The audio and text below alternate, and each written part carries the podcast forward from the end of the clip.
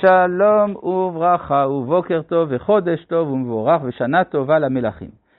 אנחנו, ב, יש לנו כאן שאלה, שואל אייל, שלום, שאלה. על מה שהרב הסביר על ועתה השב אשת האיש כי נביאו ויתפלל בעדך ויחיה. מצאנו שחזקיהו המלך התפלל, ולא מצאנו שהיה נביא. אדרבה, כתוב שהוא שלח אל ישעיהו שיתפלל, וישעיהו השיב לו כי ניני נותן בו רוח, ושמע שמועה ושב לארצו. ורק אחר כך, כשחזקיהו עצמו מתפלל, ישעיהו אמר לו, אשר התפללת אליי, אל סנחריב, מלך אשור שמעתי, וזה הדבר אשר דיבר השם עליו, בזה לך, בזה לך לעגה לך וגומר. ואז, היית, ואז הייתה תשועה גדולה. אולי זה בא ללמדנו שאפילו שיש נביא בסביבה, תפילת בעל הצרה חשובה יותר להתקבל. וכן כתוב על העני, והיה כי יצעק אליי ושמעתי, ולא מוזכר שהוא צריך להיות נביא. תודה רבה.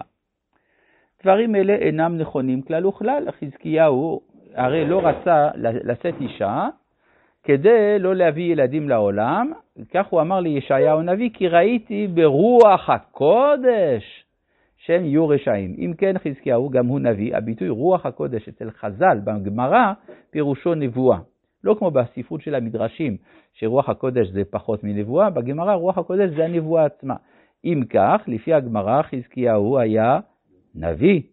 אלא מה? לא, הנבואות שהוא קיבל מישעיהו, הוא לא קיבל אותן. כל נביא יש לו את הנבואות שלו. עכשיו, לגבי מה שנאמר, שאם אני יצעק והשם ישמע, זה נכון. מה שאני ציינתי הוא שכל פעם שמוזכר על מישהו ספציפי, המוזכר בשמו, שהוא התפלל, או לאו דווקא מוזכר בשמו, אבל נאמר על מישהו ספציפי שהוא התפלל, תמיד מדובר היה בנביא, חוץ מהמקרה של המלאכים בספינה של יונה, מהסיבה המיוחדת. אבל לגבי עצם זה שיש אפשרות של תפילה, זה התורה אמרה כן, והיה כי יצעק אליי, אכן, אבל לא מוזכר מיהו האדם ספציפי שזעק ותפילתו התקבלה. טוב. אם מדובר גם על אז יש גם ויפקו נצטלה להשם במצרים. אתה צודק, כן, בכלל, אם אנחנו מדברים על צעקה. צעקה זה משהו אחר באמת. צעקה זה בוקע את הרקיע. טוב, ובכן, אנחנו ממשיכים בפרק כ', אה, בפסוק י"ד. ויקח אבימלך צאן ובקר ועבדים ושפחות, ויתן לאברהם, וישב לו את שרה אשתו, ויאמר אבימלך, הנה ארצי לפניך, בטוב בעיניך שב.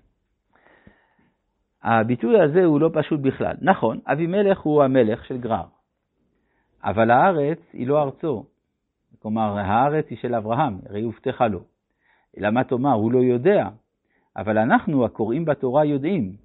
זאת אומרת שיש אה, מאבקים אה, ביחס לארץ, ואברהם היה צריך אולי להודיע לאבימלך, תשמע, זה נכון, אתה חושב שזה ארצך, אבל אני רוצה לספר לך שזה לא ארצך, אלא זו ארצי.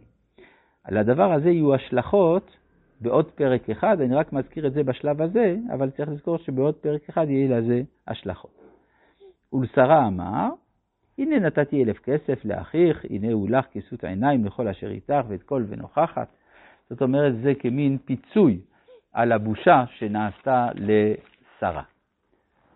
ויתפלל אברהם אל האלוהים, וירפא אלוהים את אבימלך, ואת אשתו, ואמהותיו, וילדו, כי עצור עצר השם בעד כל רחם לבית אבימלך על דבר שרה אשת אברהם, והשם פקד את שרה.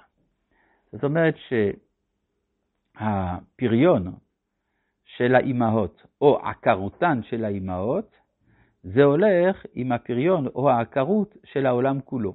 יש ביטוי כזה, הרבה עקרות נפקדו עימה.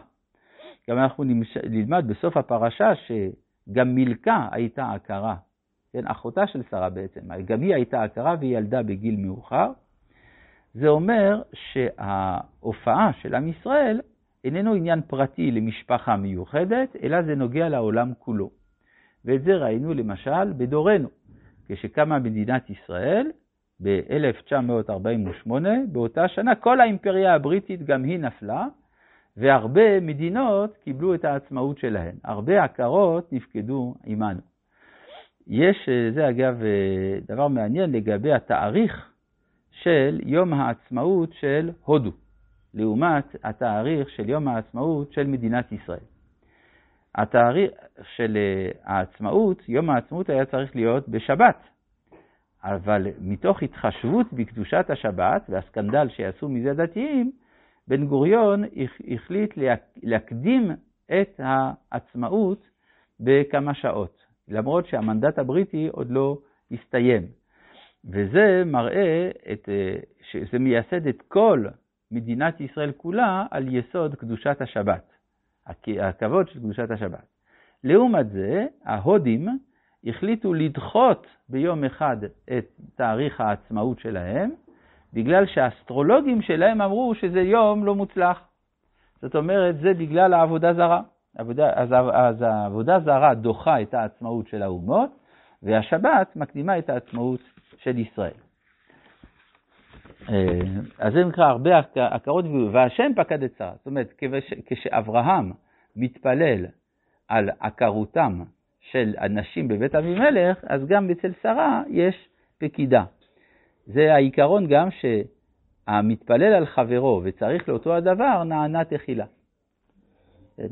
והשם פקד את שרה, כאשר אמר, ויעש השם לשרה כאשר דיבר וטהר, ותלד, ותהר ותלד שרה לאברהם בן לזקוניו למועד אשר דיבר אותו אלוהים.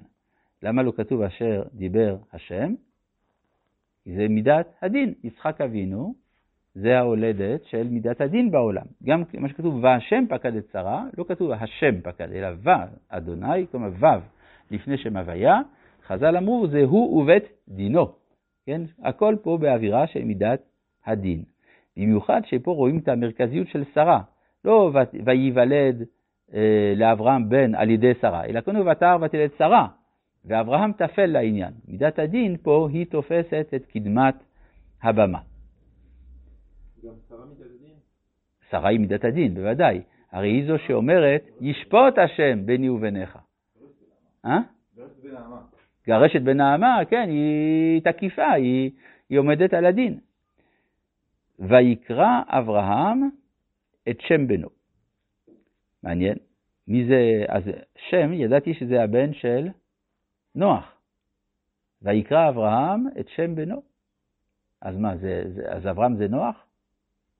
כן, אז כנראה, לפי תורת הגלגולים זה מאוד מובן, אבל בעצם אפשר לומר שאברהם זה ההצלחה של הניסיון של נוח. הרי נוח, תמיד משווים אותו, אם הוא היה בדורו של אברהם, אם היה כמו אברהם. כן? כלומר, ראינו גם צדיק לפניי בדור הזה, שזה נאמר על אברהם שרמוז בו. אז סוף סוף נוח מצליח, ויקרא אברהם, זה נוח המוצלח, את שם בנו. רק שהפעם, הנולד לו אשר ילדה לו שרה, יצחק. כיוון שזה עכשיו בגלגול החדש, אז זה עכשיו אשר ילדה לו שרה, קורא לו יצחק. כן? יש אומרים ששם בנו, הכוונה השם של הבן שלו. אפשר גם, דרשות אפשריות. טוב. וימול אברהם את יצחק בנו בן שמונת ימים כאשר ציווה אותו אלוהים. עכשיו, איפה ראינו שאלוהים ציווה אותו? זה בפרק י"ז. כן, שמה ב... כשהקדוש ברוך הוא נגלה אל אברהם בהיותו בן 99, אז כתוב, וירא השם אל אברהם ויאמר אליו אני אל שדי, יתהלך לפניי ויהיה תמים. אבל מיד אחר כך רואים ויפול אברהם על פניו, וידבר איתו אלוהים. כלומר, אברהם, כיוון שהיה עדיין ערל, לא יכול היה לשאת את העוצמה של ההתגלות. לכן נפל על פניו, ולכן כל זמן שהוא ערל, מדבר איתו אלוהים. ורק אחר כך, אחרי שהוא נימול, וירא אליו השם. כן, אז כאן זה מזכיר את המצב הראשוני של אברהם. ואברהם, בן מעט שנה בהיוולד לו... מה? אה? האם היית רומז לצחוק שהיה מקודם אה, ודאי, כן, קורא יצחק, הרי זה מה שהקדוש ברוך הוא ציווה עליו לקרוא לו יצחק, גם אה, על שרה נאמר. זה, הכל, הכל אווירה של הצחוק. אנחנו נראה גם בפסוקים הבאים את המשמעות המאוד מיוחדת פה שיש לאווירת הצחוק מסביב ללידתו של יצחק. אבל הוא העביר את זה לעתיד. אה, זה נכון, יצחק, כן, כי לצחוק בעולם הזה אי אפשר, העולם הזה הרי לא מצחיק כל כך. אז אפשר לצחוק על שם העתיד, יצחק, על שם העתיד.